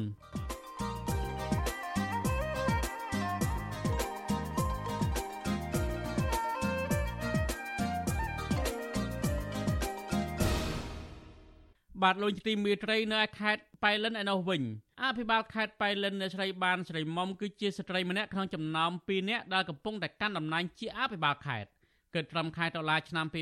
2022 អ្នកស្រីបានកាន់តំណែងនេះអស់រយៈពេលជិត2ឆ្នាំមកហើយតើអភិបាលខេត្តជាស្ត្រីរូបនេះមានប្រវត្តិនិងស្នាដៃអ្វីខ្លះក្នុងការដឹកនាំខេត្តប៉ៃលិននោះបាទប្រធានាធិបតីវ៉ាស៊ីនតោនលោកយ៉ងច័ន្ទរារាយការណ៍ព័ត៌មាននេះពឹស្ដាអ្នកស្រីបានស្រីមុំត្រូវបានរដ្ឋាភិបាលលោកហ៊ុនសែនផ្ដល់ទំនុកចិត្តឲ្យធ្វើជាអភិបាលខេត្តបៃលិន កាលពីចុងឆ្នាំ2020អ្នកស្រីបានថ្លែងនៅក្នុងពិធីចូលកាន់តំណែងថា អ្នកស្រីនឹងប្រឹងប្រែងស្ដារស្ថានភាពខេត្តបៃលិនឲ្យបានល្អប្រសើរនៅក្រៅវិបត្តិជំងឺ Covid-19 ដោយឈរទៅលើស្មារតីនៃកិច្ចសហការ និងសាមគ្គីភាពខ្ញុំសូមបដិញ្ញាចិត្តថានឹងខិតខំប្រឹងប្រែងឲ្យអស់ពីសមត្ថភាពនិងត្រៀមទទួលយកការចូលរួមនិងយោបល់ការអំពាវនាវហើយការសហការរៀនសូត្រពីគ្នាទៅវិញទៅមក ដើម្បីពង្រឹងបន្ថែមនៅការជឿទុកចិត្តរបស់ថ្នាក់ដឹកនាំ និងក្តីសង្ឃឹមរបស់ប្រជាជនក្នុងខេត្តបៃលិនអ្នកស្រីបានស្រីមុំកើតនៅឆ្នាំ1975ដែលគិតមកទល់នឹងពេលនេះអ្នកស្រីមានអាយុ47ឆ្នាំហើយអ្នកស្រីគឺជាភរិយារបស់លោកអ៊ីឈៀនអតីតអភិបាលខេត្តបៃលិន និងបច្ចុប្បន្នជារដ្ឋលេខាធិការក្រសួងការពារជាតិអ្នកស្រីធ្លាប់ធ្វើជាតំណាងរាស្ត្រមណ្ឌលខេត្តបៃលិន ចាប់ពីឆ្នាំ2013រហូតដល់ឆ្នាំ2020 ចំពោះការសិក្សាវិញ គេមិនដឹងថាតើអ្នកស្រី បានសិក្សាជំនាញអ្វីនិងនៅសាលាណាខ្លះនោះទេ នៅក្នុងកម្រិតបរិញ្ញាបត្រនិងបរិញ្ញាបត្រជាន់ខ្ពស់ក៏ប៉ុន្តែអ្នកស្រីទទួលបានសញ្ញាបត្របណ្ឌិត ពីសាកលវិទ្យាល័យចម្រើនពហុបច្ចេកវិទ្យាដែលជាសាលាល្បីឈ្មោះខាងចេញសញ្ញាបត្របណ្ឌិតឲ្យក្រុមមន្ត្រីរដ្ឋាភិបាលលោកហ៊ុនសែនគេក៏មិនដឹងដែរថាតើអ្នកស្រីបានស្រីមុំមានប្រវត្តិពីមុនយ៉ាងណាខ្លះនោះទេ ក៏ប៉ុន្តែអ្នកស្រីបានលេចមុខមាត់នៅខេត្តប៉ៃលិននៅឆ្នាំ2003ក្រោយការបោះឆ្នោតក្រុមប្រឹក្សាឃុំសង្កាត់អាណត្តិទី2ពេលទៅដល់ប៉ៃលិនដំបូងអ្នកស្រីបានបើកហាងខារ៉ាអូខេយីហោ555ដែលជាហាងខារ៉ាអូខេធំជាងគេនៅតំបន់នោះភ្ញៀវដែលចូលហាងខារ៉ាអូខេរបស់អ្នកស្រីបានស្រីមុំសុទ្ធតែជាមន្ត្រីលំដាប់ខ្ពស់នៅក្នុងខេត្តប៉ៃលិនជាពិសេសគឺអភិបាលខេត្តលោកអ៊ីឈៀនផ្ទាល់តែម្ដង លោកអ៊ីឈៀនកាលនោះមិនទាន់ជាស្វាមីរបស់អ្នកស្រីបានស្រីមុំនៅឡើយទេ ប្រពន្ធមួយចំនួនឲ្យដឹងថាអតីតមេយោធាខ្មែរក្រហមរូបនេះមានមុខនៅហាងខារ៉ាអូខេរបស់អ្នកស្រីបានស្រីមុំជាប់ជាប្រចាំរហូតដល់មានទំនាក់ទំនងស្នេហាជាមួយគ្នាក្រោយមកទៀតលោកអ៊ីឈៀនបានសម្រេចលែងលះប្រពន្ធដើមរបស់លោកដើម្បីមករៀបការនឹងរួមរស់ជាមួយអ្នកស្រីបានស្រីមុំវិញហើយហាងខារ៉ាអូខេ555នោះក៏ត្រូវបានបិទ ក្រោយពីខ្លាចជាស្ត្រីទី1នៅខេត្តបៃលិនហើយអ្នកស្រីបានស្រីមុំចាប់ផ្ដើមពង្រីកអំណាចរបស់ខ្លួនជាជំហានជំហានអ្នកស្រីបានច្បាមយកតួនាទីជាប្រធានសាខាកកបាតក្រហមកម្ពុជាខេត្តបៃលិនពីលោកអៀងវុតកូនប្រុសរបស់លោកអៀងសារីគឺតួនាទីជាប្រធានសាខាកកបាតក្រហមកម្ពុជាខេត្តបៃលិននេះហើយដែលជាឈ្នន់សម្រាប់អ្នកស្រីជន់ឡើងទៅចិត្តជំទាវធំទី1គឺអ្នកស្រីប៊ុនរនីហ៊ុនសែនដែលជាប្រធានកកបាតក្រហមកម្ពុជា ទំនាក់ទំនងជាមួយភរិយារបស់លោកហ៊ុនសែននេះបានជួយឲ្យអ្នកស្រីបានស្រីមុំក្លាយជាតំណាងរាជខេត្តបៃលិនចាប់តាំងពីឆ្នាំ2013រហូតដល់ចុងឆ្នាំ2020នៅក្នុងរដ្ឋសភា អ្នកស្រីមិនមែនជាតំណាងរាស្ត្រធម្មតាទេក៏ប៉ុន្តែជាអនុប្រធានគណៈកម្មការជំនាញរបស់រដ្ឋសភា ពីដំបូងអ្នកស្រីគឺជាអនុប្រធានគណៈកម្មការសិទ្ធិមនុស្សទទួលពាក្យបណ្ដឹង អង្កេត និងទំនាក់ទំនងរដ្ឋសភាព្រឹទ្ធសភា ហើយក្រោយមកទៀតអ្នកស្រីក្លាយជាអនុប្រធានគណៈកម្មការអប់រំយុវជនកីឡា ធម្មការកិច្ចការសាសនាវប្បធម៌និងទេសចរដែលមានលោកហ៊ុនម៉ាណីកូនប្រុសពៅរបស់លោកហ៊ុនសែនជាប្រធានជាមួយគ្នានេះអ្នកស្រីក៏បានក្លាយជាប្រធានសហភាពសហព័ន្ធយុវជនកម្ពុជារបស់លោកហ៊ុនម៉ាណីប្រចាំនៅខេត្តបៃលិនផងដែរតាមរយៈទូនីតិជាតំណាងរានិងជាប្រធានសហភាពសហព័ន្ធយុវជនកម្ពុជាដ៏មានឥទ្ធិពលនេះ អ្នកស្រីបានស្រីមុំចាប់ផ្ដើមបន្សាបឥទ្ធិពលមន្ត្រីក្រាក់ក្រាក់និងខ្សែស្រឡាយផ្សេងពីអ្នកស្រីនៅក្នុងខេត្តបៃលិនអ្នកស្រីបានលាលែងពីសមាជិកសភាឯកបៈដើម្បីមកធ្វើជាអភិបាលខេត្តបៃលិននៅចុងឆ្នាំ2020ខេត្តបៃលិនដែលមានផ្ទៃដីប្រមាណ1000គីឡូម៉ែត្រការ៉េនិងមានពលរដ្ឋជាង70000នាក់នោះក៏មានបញ្ហារ៉ាំរ៉ៃដូចទៅនឹងខេត្តមួយចំនួនទៀតដែរគឺទំនាស់ដីធ្លី ក៏ប៉ុន្តែទំនាស់ដីធ្លីនៅបៃលិនភ ieck ច្រើនគឺមានជាប់ពាក់ព័ន្ធទៅនឹងអ្នកស្រីបានស្រីមុំនិងសាច់ញាតិរបស់អ្នកស្រីផ្ទាល់តែម្ដងអង្គការមូលនិធិទិន្នន័យដីធ្លីដែលមានមូលដ្ឋាននៅប្រទេសហូឡង់បានរកឃើញថាអ្នកស្រីបានស្រីមុំនឹងស្វាមីគឺជាអ្នកបញ្ជាឲ្យគេឈូសឆាយនិងច្បាមយកដីធ្លីជិត700ហិកតាពីប្រជាពលរដ្ឋចំនួន147គ្រួសារនៅក្នុងខេត្តបៃលិនកាលពីឆ្នាំ2006 ក្រៅពីបាត់បង់ដីធ្លីហើយនោះប្រជាពលរដ្ឋចំនួន4នាក់ត្រូវបានគេចាប់ដាក់ពន្ធនាគារថែមទៀតដោយសារតែពួកគាត់បានវិលទៅកាន់ដីដែលគេច្បាមយកនោះពួកគាត់ត្រូវបានគេដោះលែងនៅក្រៅឃុំវិញជាថ្នូរទៅនឹងការចុះកិច្ចសន្យាបញ្ឈប់ការទាមទារយកដីនោះមកវិញប្រជាពលរដ្ឋមួយរូបនៅខេត្តបៃលិនឲ្យដឹងថាលោកស្រីបានបាត់បង់ដីធ្លីចំនួន8ហិកតាដែលលោកស្រីនិងស្វាមីពិការបានខិតខំកាប់ឆ្ការបង្កបង្កើនផល ក្រោយធ្វើសមាហរណកម្មឆ្នាំ1996លោកស្រីបញ្ជាក់ថាអ្នកច្បាមយកដីនោះគឺជាខ្សែស្រឡាយរបស់អ្នកស្រីបានស្រីមុំអ្នកដែលយកដីភ្លីខ្ញុំហ្នឹងគឺជាខ្សែហោរបស់គាត់ហើយតាំងពីគាត់ឡើងគ្រប់គ្រងនឹងមកទី1វាមានការបង្កើតបងលបែងហ្នឹងក៏វាច្រើនទី2ទៀតវាមានរឿងអយុត្តិធម៌ខ្លះខ្លះដែរពាក់ព័ន្ធរឿងចាប់រឿងចងរឿងធ្វើបាបអីចឹងទៅណា ដូចគ្នានេះដែរប្រធានប្រតិបត្តិគណៈបកសង្គ្រោះជាតិប្រចាំខេត្តបៃលិនអ្នកស្រីវ៉ែនដារ៉ាអះអាងថាអ្នកស្រីបានស្រីមុំបានច្បាមយកដីធ្លីពីប្រជាពលរដ្ឋនិងទ្រព្យសម្បត្តិសាធារណៈរបស់រដ្ឋជាច្រើនកន្លែងនៅក្នុងខេត្តបៃលិនអ្នកស្រីថ្លែងទៀតថាអ្នកស្រីបានស្រីមុំគិតតែពីផលប្រយោជន៍ផ្ទាល់ខ្លួននិងបពពួកជាជាងគិតពីប្រយោជន៍របស់ប្រជាពលរដ្ឋនៅក្នុងខេត្ត ឥឡូវហ្នឹងរៀបគម្រោងយកដីប្រជាពលរដ្ឋនៅកន្លែងពលានយន្តហោះចាស់នោះទៀតហើយប្រជាពលរដ្ឋដាំដូងដាំឆ្លាដាំស្អីសពគ្រប់ព្រាតតែកន្លែងណាគាត់ថាគាត់ហងយកហើយគឺគាត់យកហើយមិនបាច់ពីណាទៅដោះស្រាយទេសូមបីតែចាប់ប្រជាពលរដ្ឋនៅព្រំដាក់គុក4នាក់ហ្នឹងគាត់ថាអត់មានអើយអាណារត់ការទេតែអាណាហ៊ានរត់ការគឺអត់បានហ្មងអញ្ចឹងអញ្ចឹងគឺថាធ្វើអីហ្នឹងគឺគម្រាមគេមុនហ្មងហើយអញ្ចឹងគេខ្លាច វិទ្យុអាស៊ីសេរីបានព្យាយាមតាក់ទងអភិបាលខេត្តបៃលិនអ្នកស្រីបានស្រីមុំជាច្រើនដង និងជាច្រើនថ្ងៃដើម្បីឆ្លើយតបរឿងនេះក៏ប៉ុន្តែទូរស័ព្ទហៅចូលពុំមានអ្នកទទួលហើយពេលខ្លះទៀតអ្នកស្រីទទួលហើយរួចក៏ចុចផ្ដាច់ទៅវិញជុំវិញរឿងនេះអ្នកនាំពាក្យគណៈបកកណ្ដាលអំណាចលោកសុកអេសាន បានចេញមកការពារអ្នកស្រីបានស្រីមុំថាដឹកនាំខេត្តបៃលិនបានត្រឹមត្រូវស្របទៅតាមគោលការណ៍របស់រដ្ឋាភិបាល និងរបស់គណៈបក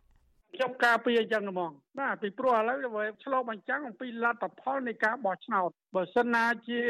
ជំទាវបានស្រីមុំក្នុងនាមជាមន្ត្រីជាន់ខ្ពស់របស់គណៈបកប្រជាជននៅទៅកាន់ជាអភិបាលខេត្តនោះធ្វើមិនត្រឹមត្រូវទេគណៈបកប្រជាជនអត់ទទួលបានផលិតឆ្នោតទេអ្នកស្រីបានស្រីមុំគឺជាសមាជិកគណៈកម្មាធិការកណ្ដាលគណៈបកប្រជាជនកម្ពុជាអ្នកស្រីបានជាប់ឈ្មោះថាជាស្ត្រីខ្លាំងនៅប៉ៃលិនដោយសារតែការបង្ក្រាបលើសិទ្ធិនយោបាយនិងការបញ្ចេញមតិ ក្រោយអ្នកស្រីឡើងកាន់តំណែងជាអភិបាលខេត្តប៉ៃលិនមិនដល់មួយខែផងតុលាការខេត្តនេះបានកាត់ទោសមន្ត្រីគណៈបកសង្គ្រោះជាតិ4នាក់ឲ្យជាប់ពន្ធនាគារចន្លោះពី5ឆ្នាំទៅ7ឆ្នាំពីបទរួមគំនិតក្បត់ប៉ុន្មានខែក្រោយមកទៀតគ្រូបង្រៀនម្នាក់ឈ្មោះយួងសូដាត្រូវបានតុលាការដដែលនេះផ្ដន្ទាទោសដាក់ពន្ធនាគាររយៈពេល1ឆ្នាំ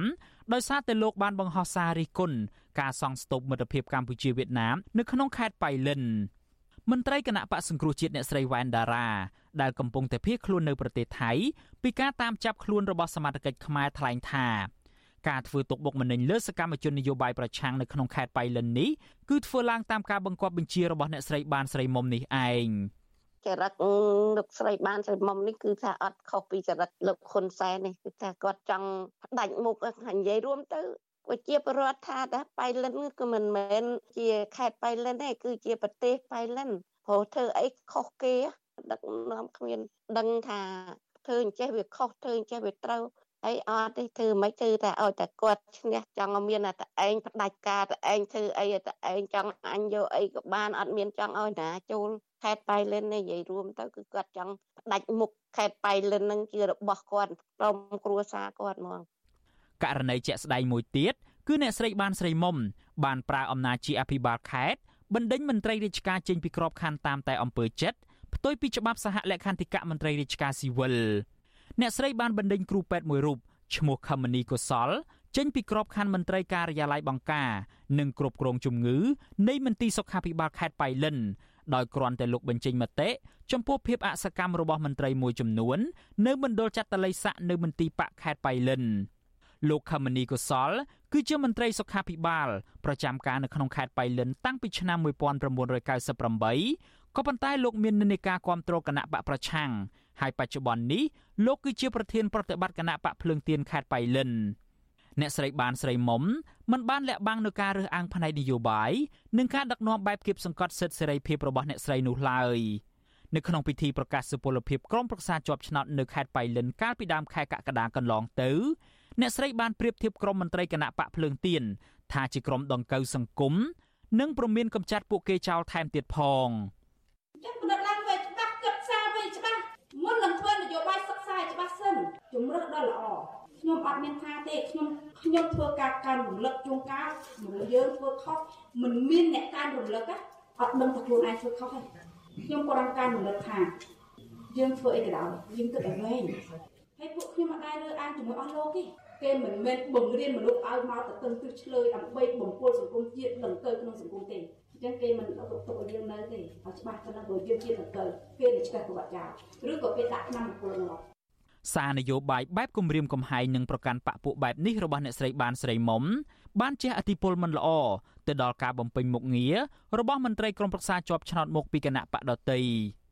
ចៅសង្កាត់រងទី2នៅសង្កាត់អូតាវ៉ៅក្រុងប៉ៃលិនអ្នកស្រីយ៉ាកំលេងថ្លែងថាអ្នកស្រីនិងក្រុមប្រឹក្សាជាប់ឆ្នោត4រូបផ្សេងទៀតនៃគណៈបកភ្លើងទៀននៅក្នុងខេត្តប៉ៃលិនបានរងការរើសអើងផ្នែកនយោបាយ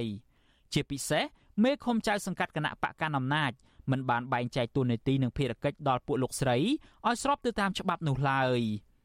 គាត់ប្រើពាក្យបែបបញ្ឆិតបញ្ឈៀងបែបស្អីហើយណែនាំសុំឲ្យអ្នកដែលជាប់ឆ្នោតនឹងគោរពច្បាប់គោរពច្បាប់គោរពច្បាប់ធ្វើអីតាមច្បាប់ហើយបើអ្នកណា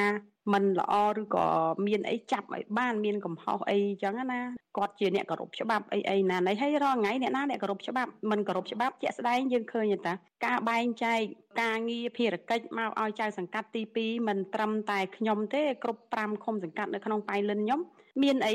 មានមានគោរពច្បាប់អត់មានធ្វើតាមច្បាប់អត់អត់ផងការដឹកនាំរបស់អ្នកស្រីបានស្រីមុំនៅក្នុងរយៈពេលប្រមាណ2ឆ្នាំមកនេះគេពុំសូវឃើញមានការអភិវឌ្ឍអ្វីគួរឲ្យកត់សម្គាល់នៅក្នុងខេត្តបៃលិននោះទេហេដ្ឋារចនាសម្ព័ន្ធដូចជាផ្លូវនិងស្ពានជាដើមភាគច្រើនគឺជាសមិទ្ធផល និងជាគម្រោងរបស់អភិបាលខេត្តមុនស្របពេលសកម្មភាពជំនួញវិញហាក់ដើរថយក្រោយទៅវិញថែមទៀត ប្រជាពលរដ្ឋឲ្យដឹងថាច្រកទ្វារព្រំដែនអន្តរជាតិព្រំនៅក្នុងខេត្តបៃលិនមិនសូវមានសកម្មភាពដឹកជញ្ជូនទំនិញផុសផុលដូចពីមុនទេ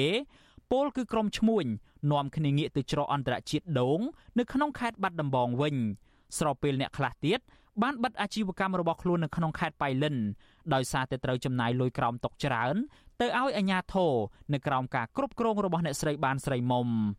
បើតាមការលើកឡើងរបស់ប្រជាពលរដ្ឋ អ្វីដែលរីកសាយភាយច្រើននៅក្នុងខេត្តបៃលិននៅពេលនេះគឺកាស៊ីណូនិងលបែងស៊ីសងខណៈការបង្ខាំងមនុស្សខុសច្បាប់វិញក៏កំពុងកើតមានជាបន្តបន្ទាប់នៅក្នុងខេត្តជាប់ព្រំដែនថៃមួយនេះដែរខ្ញុំយ៉ងច័ន្ទដារាវិទ្យុអាស៊ីសេរីរាយការណ៍ពីរដ្ឋធានី Washington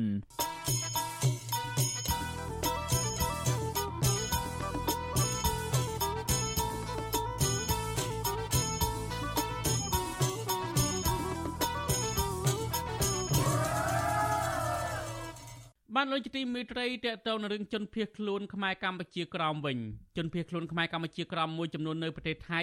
មានជីវភាពកាន់តែដុនដាបខណៈពួកគាត់ជាប់ផុងនៅទីនោះអស់រយៈពេលច្រើនឆ្នាំមកហើយដោយសារតែគ្មានប្រទេសទី3ណាទទួលយកពួកគេហើយអ្នកខ្លះទៀតមិនទាន់ត្រូវបានអង្គការសហប្រជាជាតិទទួលបន្ទុកជនភៀសខ្លួន UNHCR នៅបាងកកទទួលស្គាល់ពួកគាត់ជាជនភៀសខ្លួននៅឡើយទេសង្គមស៊ីវិលថារដ្ឋាភិបាលវៀតណាមនៅតែធ្វើទុកបុកម្នេញលើប្រជាពលរដ្ឋខ្មែរក្រោម ធ្វើឲ្យខ្មែរកម្ពុជាក្រមបង្ខំចិត្តភៀសខ្លួនចេញពីស្រុកកំណើតរបស់ខ្លួនបាទអ្នកស្រីសុជីវីរាយការណ៍ពីដំណើរដើមតងដល់ប្រដ្ឋខ្មែរកម្ពុជាក្រមកំពុងតែជួបបញ្ហាលំបាកនៅឯទីក្រុងបាងកកពលរដ្ឋខ្មែរក្រមដែលរស់នៅគេចេញពីការធ្វើទុកបុកម្នេញរបស់អាជ្ញាធរវៀតណាមពួកគាត់កំពុងជួបទុកលំបាកផ្នែកសុវត្ថិភាពជីវភាព និងសុខភាពនៅប្រទេសថៃ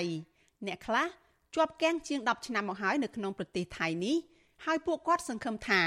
អង្គការសហប្រជាជាតិនឹងស្វែងរកទីលំនៅថ្មីឲ្យពួកគាត់បានរស់នៅប្រទេសណាមួយដែលមានសុវត្ថិភាពពលរដ្ឋខ្មែរក្រោមដែលភៀសខ្លួននៅប្រទេសថៃ14ឆ្នាំមានស្រុកកំណើតនៅខេត្តឃ្លៀងលោកស្រីចៅធីសាញ់ប្រាប់វិទ្យុអាស៊ីសេរីកាលពីថ្ងៃទី24ខែតុលាថាការរស់នៅក្នុងប្រទេសថៃជាង10ឆ្នាំមកនេះគឺរស់នៅដោយលំបាកវេទនាព្រោះជនភៀសខ្លួនមិនអាចរកស៊ីអ្វីបានដោយពលរដ្ឋសាមញ្ញនោះទេលោកស្រីថា ពេលលោកស្រីចង់ទៅធ្វើការគឺលោភលួចទៅធ្វើដូច្នេះជីវភាពចេះតែខ្វះមុខខ្វះក្រោយលោកស្រីបន្តថាបច្ចុប្បន្នលោកស្រីមិនអាចទៅធ្វើការបានទេព្រោះលោកស្រីមានវ័យកាន់តែចាស់ហើយត្រូវមើលថែចៅស្រីអាយុជាង2ឆ្នាំដែលម្ដាយត្រូវប៉ូលីសថៃចាប់ហើយកំព្រាឪពុកផងលោកស្រីបន្ថែមថាលោកស្រីនិងប្តីបាននាំកូន4នាក់ភៀសខ្លួនចេញពីកម្ពុជាមកប្រទេសថៃ តាំងពីឆ្នាំ2008ដោយសារនគរបាលវៀតណាម បានតាមរកប្តីលោកស្រីមកដល់កម្ពុជាទៀតលោកស្រីបញ្ជាក់ថាប្តីលោកស្រីតែងចេញចូលវត្តនៅកម្ពុជាក្រោមតាក់ទងជាមួយព្រះសង្ឃពាក់ព័ន្ធនឹងការគោរពជំនឿសាសនាផ្សេងផ្សេងអញ្ញាធរវៀតណាមតាមឃ្លាំមើលសកម្មភាពគាត់ធ្វើឲ្យប្តីលោកស្រីរស់នៅស្រុកមិនបានទើបនាំគ្នារត់មកស្រុកខ្មែរ ហ្នឹងហើយឥឡូវនេះវាលំបាកខ្លាំងណាស់យើងអង្គការជួយហ្នឹងក៏បានតែយើងមានមានកាត UN នៅអាយុទេដែលយើង UN យើងដាច់អាយុទៀតអង្គការគេមិនសូវជួយយើងទេតិចជួយណាស់បើសាជីគេអូនកម្ដងម្ដងហ្នឹងហើយអង្គការនេះនេះយើងមានកាតនេះយើងសុំមិនបានដូចគេទេពិបាកណាស់ពិបាកខ្លាំងពិបាកដល់មិនដឹងនិយាយថាម៉េចណាហើយខូចណាស់ដល់ឲ្យជំរឿចាប់ម៉ែទៅកូនទៅនៅយំរហូត ស្រដៀងគ្នានេះដែរកូនស្រីទី3របស់លោកស្រីចៅធីសាញ់ដែលឪពុកស្លាប់ចោលនៅក្នុងប្រទេសថៃគឺលោកស្រីលីធីយុងរៀបរាប់ថាជីវិតគ្រួសាររបស់លោកស្រីឆ្លងកាត់ភាពជូរចត់ច្រើនណាស់លោកស្រីអាណិតម្ដាយដែលមានវ័យចាស់ហើយមានសុខភាពមិនមាំមួនថែមទៀតលោកស្រីបន្តថាលោកស្រីបានត្រឹមតែអាណិតម្ដាយមិនអាចជួយគាត់បានព្រោះលោកស្រីត្រូវមើលថែកូនទាំង3នាក់ហើយប្តីលោកស្រីទៅជួយធ្វើការគេនៅផ្សារបន្លែគេឲ្យលុយតិចតួច គ្រាន់ចិញ្ចឹមកូនទាំង3នៅក្នុងបន្ទុកលោកស្រីបញ្ជាក់ថាពេលនៅកម្ពុជាក្រោមមានប៉ូលីសវៀតណាមមកផ្ទះលោកស្រី តាមចាប់ខ្លួនឪពុកលោកស្រី ពេលនោះលោកស្រីដែលមានអាយុជាង10ឆ្នាំហើយឪពុកនិងម្ដាយលោកស្រីក៏នាំកូនទាំងអស់រត់មករស់នៅកម្ពុជា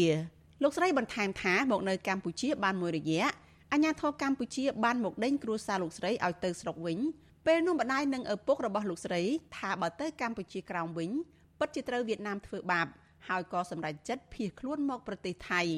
លោកស្រីសង្ឃឹមលើអង្គការសហប្រជាជាតិទទួលបន្ទុកជនភៀសខ្លួននៅប្រទេសថៃ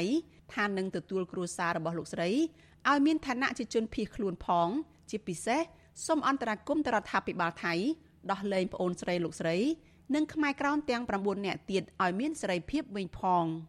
ខ្ញុំមករឿងម៉ែខ្ញុំឲ្យខ្ញុំអញ្ចឹងដឹងនិយាយនិយាយភាសាយួនកាលហ្នឹងខ្ញុំនៅទូខ្ញុំស្ដាប់មិនសូវដឹងទេចាដល់ពេលទៅក៏មានការមកមកមកពាត់មកមកលេងមកមកចាប់អូនខ្ញុំហ្នឹងពេលយប់ពេលទៅបានកំគ្រួសារម៉ែខ្ញុំហ្នឹងម៉ែខ្ញុំនាំកូន4នាក់ហ្នឹងក៏ឡើងមកខ្មែរហើយអូនខ្ញុំហ្នឹងក៏ហត់ទៅណាហើយខ្ញុំមិនដឹងទេតែពេលភ្លឺភ្លឺហ្នឹងបានម៉ែខ្ញុំនាំខ្ញុំឡើងមកមកពេញហ្នឹងចំណែកខ្មែរក្រៅម្នាក់ទៀតដែលភៀសខ្លួននៅប្រទេសថៃ14ឆ្នាំដែរ មានស្រុកកំណើតនៅខេត្តឃ្លៀងលោកស្រីលីធីមឹងថ្លែងថាលោកស្រីរត់ចេញពីស្រុកកំណើតដោយសារតែអាញាធរវៀតណាមបានរឹបអូសដីធ្លីរបស់លោកស្រីនិងចាប់ឪពុកលោកស្រីដាក់គុកអស់2ថ្ងៃហើយគំរាមឪពុកលោកស្រីឲ្យប្រគល់ដីឲ្យរដ្ឋាភិបាលវៀតណាមជាង1ហិកតា លោកស្រីបន្តថាពេលនោះឪពុកលោកស្រីក៏សុកចិត្តប្រគល់ដីឲ្យគេដើម្បីបានរួចខ្លួនលុះក្រោយមកឪពុកលោកស្រីបានទៅតវ៉ាទាមទារដីនោះមកវិញហើយក៏ត្រូវគេតាមធ្វើបាបគ្រួសារលោកស្រីទើបធ្វើឲ្យលោកស្រីភៀសខ្លួនមកប្រទេសថៃលោកស្រីបញ្ជាក់ថាជីវភាពនៅក្នុងប្រទេសថៃនេះគឺពិបាកខ្លាំងណាស់រស់នៅតែពីរនាក់កូនប្រុសសង្ឃឹមបានស្បៀងអាហារខ្លះពីអង្គការដៃគូរបស់អង្គការសហប្រជាជាតិហើយលោកស្រីរំពឹងថានឹងទទួលបានឋានៈជាជនភៀសខ្លួន ពីអង្គការ UNHCR និងរកប្រទេសណាដែលមានសវត្ថិភាពសម្រាប់គ្រួសាររបស់លោកស្រីនិងខ្មែរក្រោមដទៃទៀតទៅរស់នៅ។ សប្ថ្ងៃហ្នឹងកំពុងតែពិបាកហ្នឹងហើយតែតម្រួតហ្នឹងគេថាគេនៅចាប់ទៀតណាគេគេមិនតាន់បើគេគេមិនតាន់ឈប់ចាប់ទេគេនៅចាប់លេងដាក់ដែលចូលមកប្រទេសថៃហ្នឹងខុសច្បាប់អត់មានកដាស្នាមត្រឹមត្រូវណាហើយដូចគ្រួសារអ៊ំហ្នឹងក៏មិនដឹងថាទៅមុខទៀតមិនដឹងតែយ៉ាងណាដែរបើបើយូអានគេមិនតាន់ទទួលយើងជាចិនភៀខ្លួនហើយអត់មានកដាស្នាមអីត្រឹមត្រូវណា វិទ្យុអាស៊ីសេរីមិនទាន់អាចតាក់ទងសុំការអធិប្បាយជុំវិញបញ្ហានេះពីស្ថានទូតវៀតណាមប្រចាំនៅកម្ពុជាបានទេ នៅថ្ងៃទី24ខែតុលាជុំវិញរឿងនេះដែរប្រធានសហព័ន្ធខ្មែរកម្ពុជាក្រោមប្រចាំកម្ពុជាលោកតាំងសារៈលើកឡើងថារដ្ឋាភិបាលវៀតណាមនៅតែធ្វើទុកបុកម្នេញពលរដ្ឋខ្មែរក្រោមដែលជាម្ចាស់ស្រុកដូចជាការគៀបសង្កត់ផ្នែកសាសនារដ្ឋបិទការបង្រៀនអក្សរខ្មែរនិងរឹបអូសយកដីធ្លីខ្មែរក្រោមជាដើមធ្វើឲ្យខ្មែរក្រោមនៅស្រុកមិនបាន។ លោកបន្តថាលោកមិនសង្ឃឹមអាញាធរវៀតណាមគោរពសិទ្ធិខ្មែរក្រោមនោះទេតែលោកនិងសហព័ន្ធខ្មែរក្រោមនៅក្រៅប្រទេសនឹងទាមទារឲ្យវៀតណាមគោរពសិទ្ធិខ្មែរក្រោមតាមច្បាប់អន្តរជាតិដែលស្តីពីជនជាតិដើម។ ក៏ប៉ុន្តែថាការអត់ធន់គឺមានពេលកំណត់មានព្រំដែនតែកាលណាហួសព្រំដែនវានឹងមានចលនាអ្វីមួយកើតឡើងជាប្រកបយើងជឿជាក់ថាខ្មែរកម្ពុជាក្រមមិនអាចដេកសំងំឲ្យរដ្ឋាភិបាលវៀតណាមចេះតែសង្កត់សង្កិនរឹតបន្តឹងទៅតាមអំពើចិត្តរបស់ខ្លួននោះទេបាទរបាយការណ៍របស់សមាគមជនភៀសខ្លួនខ្មែរក្រមប្រចាំប្រទេសថៃឲ្យដឹងថាមានខ្មែរក្រមដែលកំពុងរស់នៅប្រទេសថៃជាង200នាក់ស្មើនឹងជិត80គ្រួសារ ហើយពួកគាត់កំពុងរស់នៅទាំងជីវភាពយ៉ាប់យ៉ឺននិងខ្វះសុវត្ថិភាពនៅក្នុងប្រទេសថៃហើយភ័យខ្លាចអាញាធរថៃចាប់បញ្ជូនពួកគាត់ទៅប្រទេសកំណើតវិញ ជាពិសេសខ្មែរក្រមកំពុងជាប់ឃុំទាំង10នាក់នាងខ្ញុំសូជីវីវិទ្យុអាស៊ីសេរីពីរដ្ឋធានី Washington បាទលោកនាយទីមេត្រីតកតនឹងបញ្ហាជនភៀសខ្លួនខ្មែរកម្ពុជាក្រោមនៅប្រទេសថៃនេះដែរអាញាធរថៃបន្តឃុំខ្លួនជនភៀសខ្លួនខ្មែរកម្ពុជាក្រោម10នាក់ ហើយអាចបណ្ដេញពួកគេចេញពីថៃទៅប្រទេសវៀតណាមទៀតផងពីបទឆ្លងដែននឹងធ្វើការងារនៅថៃដោយខុសច្បាប់អង្គការសិទ្ធិមនុស្សអន្តរជាតិ Human Rights Watch និងអង្គការខ្មែរកម្ពុជាក្រោមបន្តទទូចឲ្យអាជ្ញាធរថៃដោះលែងជនភៀសខ្លួនទាំងនេះឲ្យមានសេរីភាពឡើងវិញ បាទប្រធានាធិបតីវ៉ាស៊ីនតោនលោកយុនសាមៀនរាយការណ៍ព័ត៌មាននេះមន្ត្រីជាន់ខ្ពស់អង្គការឃ្លាំមើលសិទ្ធិមនុស្សអន្តរជាតិ Human Rights Watch ស្នើឲ្យអាជ្ញាធរថៃទទួលស្គាល់សិទ្ធិរបស់ជនភៀសខ្លួនខ្មែរកម្ពុជាក្រោមដែលត្រូវទទួលបានការការពារហើយមិនត្រូវធ្វើទុកបុកម្នេញនិងចាប់ខ្លួននោះទេ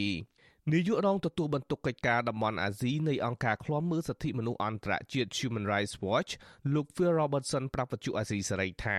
ទោះនៅក្នុងកលៈទេសៈណាក៏ដោយក៏អាញាធរថៃមិនត្រូវបង្ខំបញ្ជូនជនភៀសខ្លួនខ្មែរកម្ពុជាក្រោមទៅវៀតណាមឬកម្ពុជានោះទេលោកបន្តថាវៀតណាមបន្តធ្វើទុកបុកម្នេញនិងរើសអើងខ្មែរក្រោមជាប្រព័ន្ធដោយសារតែជាតិសាសន៍និងសាសនារបស់ខ្មែរក្រោមហើយវៀតណាមនៅតែចាត់ទុកខ្មែរក្រោមថាមិនស្មោះត្រង់និងចូលរួមសកម្មភាពដើម្បីទាមទារឯករាជ្យជាដើម លោកស្នើឲ្យអាជ្ញាធរវៀតណាមអនុញ្ញាតឲ្យខ្មែរក្រោមអាចបង្រៀនកូនចៅចំនួនក្រោយ ជាភាសាខ្មែរប្រតិបត្តិព្រះពុទ្ធសាសនា ហើយវៀតណាមត្រូវគោរពសិទ្ធិសហគមន៍ដោយគ្មានការជ្រៀតជ្រែកសំណើរបស់លោក Phil Robertson ធ្វើឡើងក្រោយពេលដែលអាជ្ញាធរថៃបន្តឃុំខ្លួនជនភៀសខ្លួនខ្មែរកម្ពុជាក្រោមចំនួន10នាក់នៅក្នុងពន្ធនាគារនៅឡើយកាលពីថ្ងៃទី14ខែតុលាសមត្ថកិច្ចថៃបានចាប់ខ្លួនជនភៀសខ្លួនខ្មែរកម្ពុជាក្រោមចំនួន10នាក់ នៅពេលពួកគេកំពុងធ្វើការងារនៅផ្សារមួយកន្លែងដើម្បីរកប្រាក់ចិញ្ចឹមជីវិតតុលាការថៃបានចោទប្រកាន់ពួកគេវិបត្តិចូលនិងធ្វើការនៅថៃដោយខុសច្បាប់ជនភៀសខ្លួននឹងជាប្រធានសមាគមជនភៀសខ្លួនខ្មែរកម្ពុជាក្រោមប្រចាំនៅប្រទេសថៃលោកលឹមកៅសំណាងប្រវត្តិអាស៊ីសេរីថាអញ្ញាធរថៃតម្រូវឲ្យខ្មែរកម្ពុជាក្រោមដែលកំពុងជាប់ឃុំត្រូវបង់ប្រាក់ដើម្បីអាចនៅក្រៅឃុំបណ្ដោះអាសន្នក្នុងម្នាក់ម្នាក់ជិត2000ដុល្លារ ប៉ុន្តែលោកថាខ្មែរក្រោមគ្មានលុយនោះទេលោកបន្តថាសមត្ថកិច្ចនឹងបន្តឃុំខ្លួនជនភៀសខ្លួនខ្មែរកម្ពុជាក្រោម42ថ្ងៃមុននឹងសម្រេចថាត្រូវបញ្ជូនពួកគេទៅកម្ពុជាឬក៏វៀតណាមលោកបន្តថាបច្ចុប្បន្នខ្មែរកម្ពុជាក្រោមដែលកំពុងជាប់ឃុំដែលអ្នកខ្លះមានអាយុដល់ជាង60ឆ្នាំកំពុងធ្លាក់ខ្លួនឈឺហើយក្រុមគ្រួសារនៅក្រៅឃុំវិញក៏កំពុងជួបវិបត្តិសេដ្ឋកិច្ចក្នុងគ្រួសារដែរ ស្ថានភាពគ្រួសារបងប្អូនដែលគាត់នៅក្រៅនោះគឺគាត់ពិបាកដែល អ្នកខ្លះទៅប្រពន្ធជាប់ក្នុងគុកអ្នកខ្លះទៅក៏ម្ដាយគាត់ជាប់ក្នុងពុកយើងក៏គាត់មានការពិបាកគិតច្រើននឹងឲ្យបងប្អូនយើងនៅខាងក្រៅនេះគឺអត់មានសិទ្ធិអ្វីទេគឺចន្ទភៀសខ្លួនអ្នកខ្លះទៅក៏បានសម្ភារជាប់ពីអង្គការសហភាពទួលស្កលអ្នកខ្លះទៀតកំពុងពិចារណាបងប្អូនខ្លះទៀតក៏កំពុងអត់ធ្លាក់ទៅដូច្នេះគឺការប្រជុំមុខធំដែលបងប្អូនកំពុងតែ នៅក្រៅគឺយើងអត់មានសិទ្ធិជាអ្វីទាំងអស់ក្នុងការហោះហើរក្នុងការប្រកបមុខរបរដូច្នេះទេ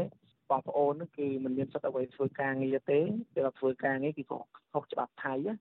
នឹងឲ្យប្រជុំមុខនៅជាច្រើនហើយអង្គការសហប្រជាជាតិ UNHCR ហ្នឹងក៏ជួយបងប្អូនមានរកដល់ទៀតនឹងហើយបងប្អូនខ្លះអង្គការសហប្រជាជាតិមិនបានជួយទេយើងក៏បានដើរសុំជំនួយអង្គការផ្សេងផ្សេងដើម្បីយកមកត្រួតត្រងជីវិតប្រចាំថ្ងៃដូច្នេះគឺពិបាកណា លោកសំណុំពរឲ្យក្រុមអង្គការសិទ្ធិមនុស្សនិងអង្គការសហប្រជាជាតិទទួលបន្ទុកជនភៀសខ្លួន UNHCR ជួយអន្តរាគមន៍ទៅរដ្ឋាភិបាលថៃដើម្បីអាចដោះលែងខ្មែរក្រោមឲ្យមានសេរីភាពឡើងវិញបានវិទ្យុអាស៊ីសេរីបានព្យាយាមតាក់ទងមន្ត្រីអង្គការសហប្រជាជាតិទទួលបន្ទុកជនភៀសខ្លួនប្រចាំនៅទីក្រុងបាងកកប៉ុន្តែមិនទាន់ទទួលបានការឆ្លើយតបនៅឡើយទេមកទល់នឹងថ្ងៃទី24ខែតុលានេះ ពាក់ព័ន្ធទៅនឹងរឿងអាញាធរថៃចាប់ខ្លួនជនភៀសខ្លួនខ្មែរកម្ពុជាក្រោមនេះដែរអគ្គលេខាធិការសមាគមខ្មែរកម្ពុជាក្រោមដើម្បីសិទ្ធិមនុស្សនិងអភិវឌ្ឍលោកសឿនជំជួនមានប្រសាសន៍ថាអង្គការរបស់លោកកំពុងតាក់ទងនឹងអង្គការសិទ្ធិមនុស្សនៅថៃដើម្បីផ្ដល់មេធាវីការពារក្តីឲ្យពលរដ្ឋខ្មែរកម្ពុជាក្រោមលោកសំណុំពរឲ្យរដ្ឋាភិបាលកម្ពុជាជួយអន្តរាគមន៍ជនភៀសខ្លួនខ្មែរកម្ពុជាក្រោមដែលកំពុងជាប់ពន្ធនាគារនៅថៃឲ្យមានសេរីភាព ព្រោះខ្មែរក្រោមក៏ជាខ្មែរដែរយើងយល់ថាតោះជាពលគាត់នឹងឆ្លងមកពីវៀតណាមក្តីឆ្លងទៅពីកម្ពុជាក្តីពលគាត់នៅតែជាជនជាតិខ្មែរដូច្នេះជនជាតិខ្មែរគឺត្រូវបានការពារដោយរដ្ឋាភិបាលកម្ពុជាដូច្នេះបញ្ហាហ្នឹងរដ្ឋាភិបាលកម្ពុជាយើងជាពិសេសគឺរាជទូតខ្មែរយើងដែលប្រចាំនៅ បាងកកហ្នឹងគួរតែមានវិធានការដើម្បីអន្តរាគមន៍ទៅដល់រដ្ឋាភិបាលថៃដើម្បីឲ្យមានការដោះលែងពួកគាត់ដែលជាជនភៀសខ្លួនដោយសារតែបញ្ហាការធ្វើទុកបុកម្នេញដោយសារតែបញ្ហាចង់បានសិទ្ធិសេរីភាពពីខាងការរំលោភបំពានដោយសាររដ្ឋាភិបាលវៀតណាមជាដើមអញ្ចឹង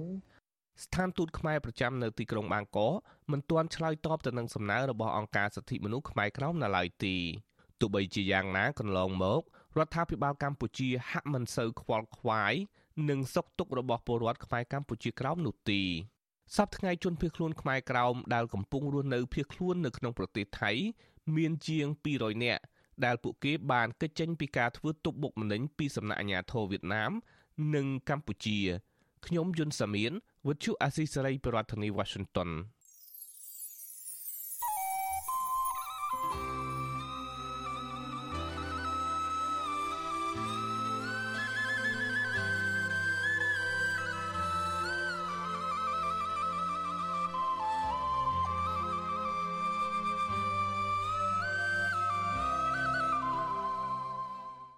បបាទលោកនាងជាទីមេត្រីការផ្សាយរយៈពេល1ម៉ោងនៃវិទ្យុអាស៊ីសេរីជាភាសាខ្មែរនៅពេលនេះចប់តែប៉ុណ្ណេះយើងខ្ញុំសូមជូនពរដល់លោកនាងព្រមទាំងក្រុមគ្រួសារទាំងអស់ឲ្យជួបប្រកបតែនឹងសេចក្តីសុខចម្រើនរុងរឿងកំបីគ្លៀងគ្លេតឡើយខ្ញុំបាទទីនសាករិយាព្រមទាំងក្រុមការងារទាំងអស់នៃវិទ្យុអាស៊ីសេរីសូមអរគុណនិងសូមជម្រាបលា